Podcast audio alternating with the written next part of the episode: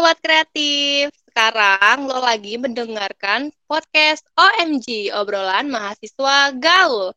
Oke, kali ini gue Wahyuni dan Hoirunisa akan menemani lo dengan obrolan-obrolan seru yang gaul pastinya. Tema podcast kali ini yaitu membahas tentang prodi penyiaran dengan Ketua Hima, Oki Alfiansyah. Ye, pastinya seru banget nih. Oke, Oki bisa perkenalkan dirinya dulu. Halo, nama gua Oki Alfiansyah. Sebagai Ketua Hima Penyiaran terpilih tahun 2019-2020. Oke, sehat nih Oki? Alhamdulillah, sehat-sehat. Amin. Nah, sekarang gue mau nanya nih Oki. Oki ini angkatan keberapa sih untuk kahimnya dan keberapa untuk mabanya? Uh, terus uh, penyiaran merupakan di bawah jurusan apa? Supaya maba nggak salah-salah nih, tolong jelasin ya. Ya, jadi untuk gua sendiri, gua itu angkatan ketujuh. Dan untuk mabanya yang nanti mau masuk ke prodi, itu masuk ke angkatan 9. Nah, maksudnya gini untuk jelasnya ya. Penerbitan itu adalah jurusan kita. Jadi prodi kita broadcasting dan dibawahi oleh jurusan penerbitan bersama dengan prodi-prodi lain yaitu fotografi, desain grafis, periklanan, dan sebagainya. Seperti itu. Oh, gitu. Oke, lanjut. Hmm. Nisa. Oh ya Ki, kan di broadcast sendiri ini pasti sobat kreatif sama yang baru pada masuk kan penasaran nih. Di broadcast ini belajarnya apa aja sih? Kalau untuk yang dipelajarin pastinya ya mata kuliah yang berbasis media penyiaran dan film. Karena perlu diketahui juga sebenarnya di prodi kita itu terdapat tiga pilar penting, yaitu ada TV, radio, dan film.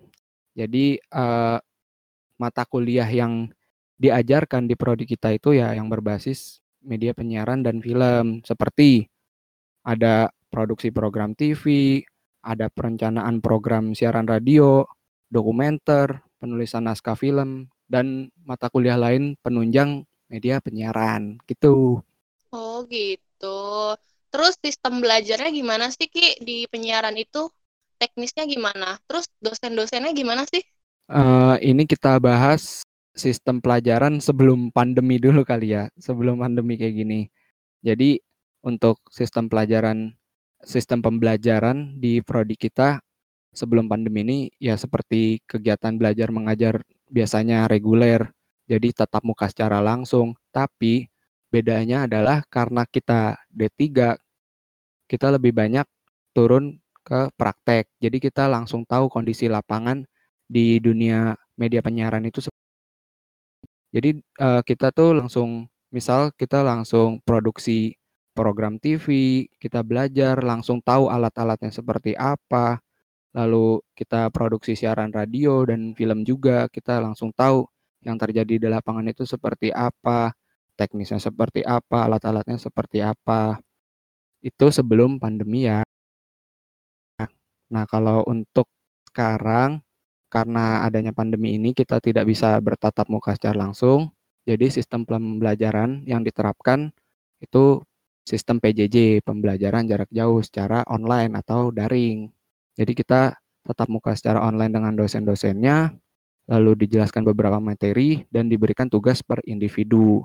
Untuk dosennya sendiri sih sampai sekarang uh, cukup kompeten ya untuk pembelajaran secara reguler maupun daringnya seperti itu. Wih seru banget ya di penyiaran. Terus uh, kesusahannya apa sih Ki buat lo? Ada nggak sih yang bikin lo kayak ngerasa aduh lagi susah banget nih gitu. Kalau ada nggak sih? Ada sih pasti. Segala macam kegiatan dan urusan pasti ada masalah atau kendalanya. Nah, yang biasa dialamin sama mahasiswa BC atau broadcasting itu adalah kendala jam tidurnya. Itu sudah pasti. Jam tidur kita uh, jadi berantakan. Karena memang kita dididik untuk mengetahui kondisi lapangan di dunia uh, media penyiaran ataupun perfilman di mana kita memang dituntut untuk uh, sering begadang, ada produksi program TV, kita harus standby di malamnya, lalu kita di siangnya jadi bisa tidur. Jadi itu menjadi kendala untuk orang-orang yang baru pertama uh, ini sih baru pertama bergabung atau nyebur di dunia broadcasting itu sendiri atau di dunia perfilman tuh. Nah, untuk mengatasinya ya pasti kita coba beradaptasi secara perlahan. Kita coba untuk uh, mengetahui juga lingkungan-lingkungan orang-orang yang ada di dunia broadcasting. Jadi kita bisa atur jam tidur. Uh, misalkan kita jadi minum vitamin lebih banyak saat kita mau produksi atau menjaga pola makan kita kayak gitu. Kalau Oki sendiri sukanya lebih ke radio, TV atau film? Sukanya ke dia sih, yeah. ya. ya. uh, kalau gue sendiri sih ya, kalau gue lebih suka ke film sih. Oh film. Iya. Wih film. Kan pasti di broadcast tadi yang diceritain tadi kan banyak nih kendala-kendalanya nih. Ada nggak sih alasan khusus gitu? Kenapa sih harus bertahan di prodi penyiaran? Uh, kalau alasan khusus sih pasti ada ya. Dan alasan ini sebenarnya alasan yang gimana ya?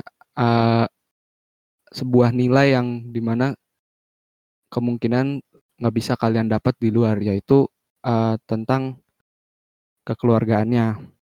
Jadi memang di prodi BC ini sendiri ada sebuah nilai yang tersirat namun tidak tersurat yaitu kekeluargaannya di mana di sini lo bisa tahu selain uh, ilmu-ilmu tentang broadcasting lo bisa dapat nilai kemanusiaan yang memang lo nggak bisa dapat ini di SMA ataupun uh, di kampus-kampus lain mungkin itu sih dan alasan yang lainnya juga lo kalau misalkan emang lo suka sama prodi ini dan jadikan BC atau penyiaran sebagai passion lo, lo bisa lebih siap dan lebih matang. Lebih tahu lebih awal gitu kondisi lapangan di dunia uh, media penyiaran itu seperti apa, di dunia perfilman itu seperti apa, lo bisa lebih tahu sih. Jadi lo uh, lebih tahu duluan dan gak kaget ketika lo nanti udah kerja. Itu sih untuk alasan khususnya dari gua, pendapat gua. Oke Ki, nih Ki kan banyak nih mahasiswa-mahasiswa yang ngerasa kalau dia tuh kecemplung gitu loh kayak oh ternyata bukan passion gua nih kan hmm. kan ngerasa kayak gitu. Nah kalau dari Oki sendiri bagaimana nih agar kita tuh yakin bahwa penyiaran itu emang passion kita? Menurut Oki gimana? Kalau pendapat gue nih ya, uh, ini mm bukan di passion BC aja, tapi di semua passion yang kalian inginkan menurut gua itu ada satu okay. tips di mana lo bisa betah dengan passion lo. Jadi sebelum lo nyebur di passion lo tersebut atau lo bergabung dengan passion lo tersebut, lo harus bisa ngelihat lingkungan di sekitar passion lo itu termasuk orang-orangnya. Lo harus bisa lihat dulu nih orang-orang yang ada di dalam passion yang lo suka ini kayak gimana. Lo coba beradaptasi dulu. Misal di BC adalah orang-orang yang suka begadang. Berarti lo harus bisa bener dong. Lo harus bisa uh, bergadang dengan kuat. Ya harus bisa kuat. Lo bisa atur waktu tidur. Terus misalkan misalkan ya misalkan yang kedua di passion lo tersebut orang-orangnya tuh harus rajin nabung karena pengeluarannya lebih besar dibanding yang lain berarti lo harus bisa nabung buat masuk ke dalam passion itu dan ketika lo udah paham dengan orang-orangnya, lo udah sefrekuensi sama orang-orang di dalam passion lo itu, apa pun kendala yang lo alamin, apa pun kesulitan yang alamin di passion lo, lo pasti bisa ngelewatin itu karena lo udah nyaman sama orang-orang di dalam passion tersebut. Lo udah nyaman sama orang-orang di uh, kawasan atau di uh, apa ya dalam ya di dalam lingkungan itulah orang-orangnya lo udah nyaman lo ngerasa nggak sendiri kalau lo lagi kesusahan. Jadi seperti itu. Pahamin dulu orang-orang di dalam passion lo itu. Keren lah, Loki. Gue lihat-lihat keren banget. Apalah daya kita ya Nisa yang hanya passionnya hanya tidur, rebahan dan minum kopi di bawah senja. Oke, mantap. Dong nih. Nah, Ki, Ya, nanya nih, ciri khas di Prodi Broadcast tuh apa sih? Bisa nggak sih ceritain? Gondrong. Ciri khasnya. Wah, jadi gue yang jawab. Beras. itu termasuk sih. Itu termasuk. Gondrong tadi itu termasuk. Ibaratnya ada yang ada yang suka ngomong kalau nggak gondrong nggak nyeni. Gue nggak tahu sih itu kenapa ada penilaian seperti itu sih. Cuman ya mungkin biar emang keren aja kalau gondrong berarti eh, tandanya orang pusing mikirin karya yang keren gimana sampai gondrong gitu kali ya. Itu salah satunya ciri khasnya. Dan yang kedua adalah tadi udah sempat gua singgung tuh di awal tentang kekeluargaan yang lo nggak dapet di dan di prodi broadcast ini sendiri udah benar-benar jadi nilai yang melekat gitu loh di sisi kekeluargaannya. Heeh. Di mana lo eh, bakal ngerasa ketika lo memang kesulitan, lo lo nggak bakal sendirian. Ketika lo ingin mengerjakan tugas seperti produksi dan lain-lainnya, lo pasti bakal dibantu. Entah sama teman angkatan lo atau sama abang-abang lo di atas-atas lo. Dan juga sama alumni-alumni lo yang eh, pastinya karena adanya nilai kekeluargaan ini tali silaturahminya itu nggak putus jadi kayak gitu itu yang jadi ciri khas di prodi kita Wih, mantep banget ya Nisa ya. Nis, Mantep banget, Yun. jadi pengen berkeluarga ya. ya Allah Bercanda Oh, atuh. Terus nih, Oki, ya eh, prospek kerjanya dari penyiaran itu apa sih?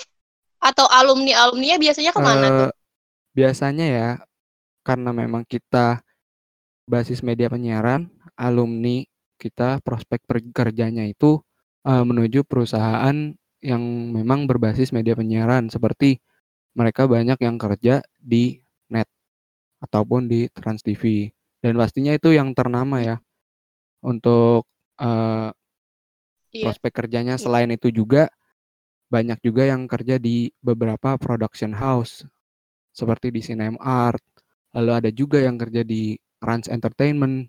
Jadi memang ini memang jujur ya memang benar alumni alumni dari prodi kita lebih banyak eh, yang ke eh, kerjanya itu ke perusahaan-perusahaan yang memang bergengsi atau namanya sudah tinggi banyak seperti itu. Karena dosen-dosen kita juga dosen-dosen kita juga ini banyak yang berasal ada yang dari IKJ ada juga dari NET ada dari SCTV jadi memang ya relasinya adalah gitu makanya kenapa kita prospek kerjanya lebih banyak ke perusahaan-perusahaan TV ataupun radio atau film yang bergengsi Kalau lu nanti harapannya pengennya kerjanya di mana, Ki? eh kerjanya di mana aja sih yang penting bisa nafkahin keluarga dah Iya, amin lah, amin lah ya. ya kalau gue pastinya maunya di ini sih di production house karena gue juga suka film jadi gue mau kerja di perusahaan eh, yang berbasis perfilman lah Kalau kayak gitu dan syukur-syukur pemeran, syukur-syukur punya PH sendiri Heeh. kalau butuh pemeran lo kontak gue atau Iya. Nisa jadi jadi yang disuruh-suruh bisa bisa. Amin. bisa bisa tapi peranin di ini ya di Gimana? film azab Oh, film azab, film azab. Di mana tuh? Aduh. Lanjut Nisa. ya Banget nggak tuh? Nah, Ki, nanya lagi nih, prestasi apa sih yang udah diraih sama anak broadcast? Bisa nggak sih tuh disombongin, ceritain sedikit? Disombongin. nggak boleh sombong lagi puasa ya Iya, jadi kalau bahas prestasi jujur prestasi dari kita itu udah banyak banget. Gue bakal bahas salah satunya aja sih yang memang uh, belum jauh-jauh juga prestasi ini diraih. Itu prestasinya datang dari uh, abang-abang kita uh, BC angkatan 5 dan angkatan 6 yaitu Mas Pandu Winoto dan Mas Agil Saputra. Jadi dia berhasil memenangkan nominasi film dokumenter terbaik dalam acara Banten Short Movie Festival 2019. Wih, keren banget. Itu juga karena memang eh, berkat dosen-dosen kita yang memang sudah terpercaya, dosen-dosen praktisi kita yang memang sudah berpengalaman, yang berhasil menyampaikan ilmunya ke Mas Agil dan Mas Panduwinoto sehingga memenangkan nominasi tersebut. Wih, Jadi kemauannya tinggi banget berarti ya tuh. mantap, ya bener. Terus oke, eh, apa namanya? Setiap tahunnya kan pasti Hima punya acara tuh ya, buat penyiaran, buat kenalin eh, si penyiaran ini, si penyiaran ya. Eh, ada acara tahunan apa aja sih? kalau acara tahunan ada ada dua acara tahunan yang memang besar. Ini termasuk acara besar kita, termasuk ke dalam proker di himpunan mahasiswa kita, yaitu ada eh, metafora yang pertama. Jadi metafora ini eh, sebuah acara yang intinya kita memperkenalkan produk kita ke masyarakat luas dan oh ya ada dua ya ada metafora dan Sparta. Nah perbedaannya itu apa? Kalau misalkan persamaannya kan sama-sama mem- memperkenalkan produk kita ya kepada masyarakat luas.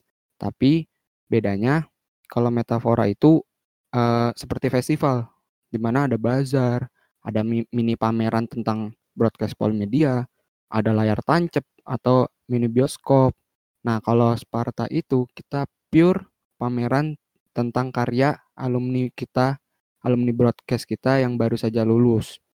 Jadi eh, bisa dibilang acara ini sebuah bentuk apresiasi kita sih terhadap alumni yang baru saja lulus. Jadi masyarakat luas bisa datang ke acara kita, ngelihat karya kita, ngelihat pameran dari prodi kita seperti apa. Jadi itu sih eh, untuk memperkenalkan prodi kita ke masyarakat luas dari acara tahunan tersebut. Wih, mantep banget. Seru banget ya Nis ya acaranya. Jadi orang luar nikmatin ya Yun. Keren banget sih. Nah, Niki, pesan dan kesan selama belajar di broadcast itu apa sih? Kalau kesan pastinya udah dari tadi gue singgung di mana gue mendapatkan nilai kekeluargaan yang memang eh, tinggi dan gue nggak yang nggak pernah gue tahu di eh, semasa gue SMA gue nggak tahu nilai kekeluargaan yang tinggi itu seperti apa dan di sini gue dapat nilai tersebut dan cukup kaget sih benar-benar kaget di mana nilai ini benar-benar melekat di dalam prodi broadcast tersebut.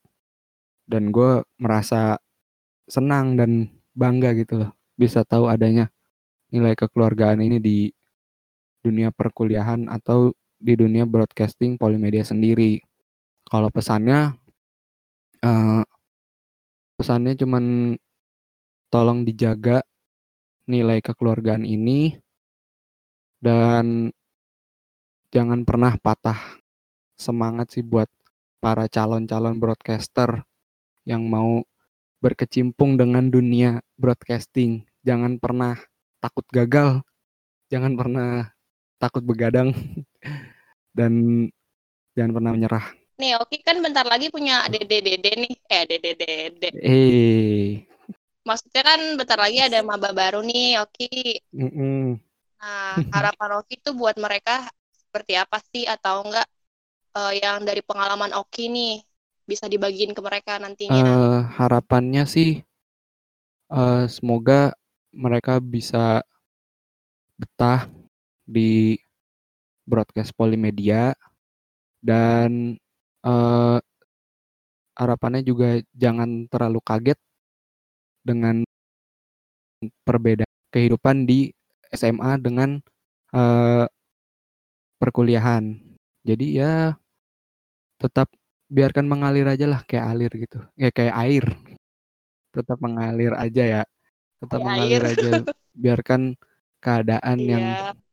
eh, menjawab semua keresahan yang nanti bakal datang ke kalian. Itu sih.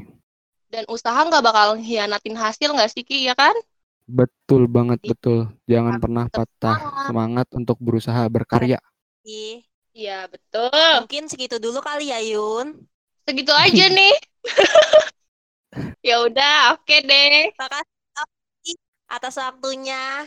Terima Iya, kasih. sama-sama.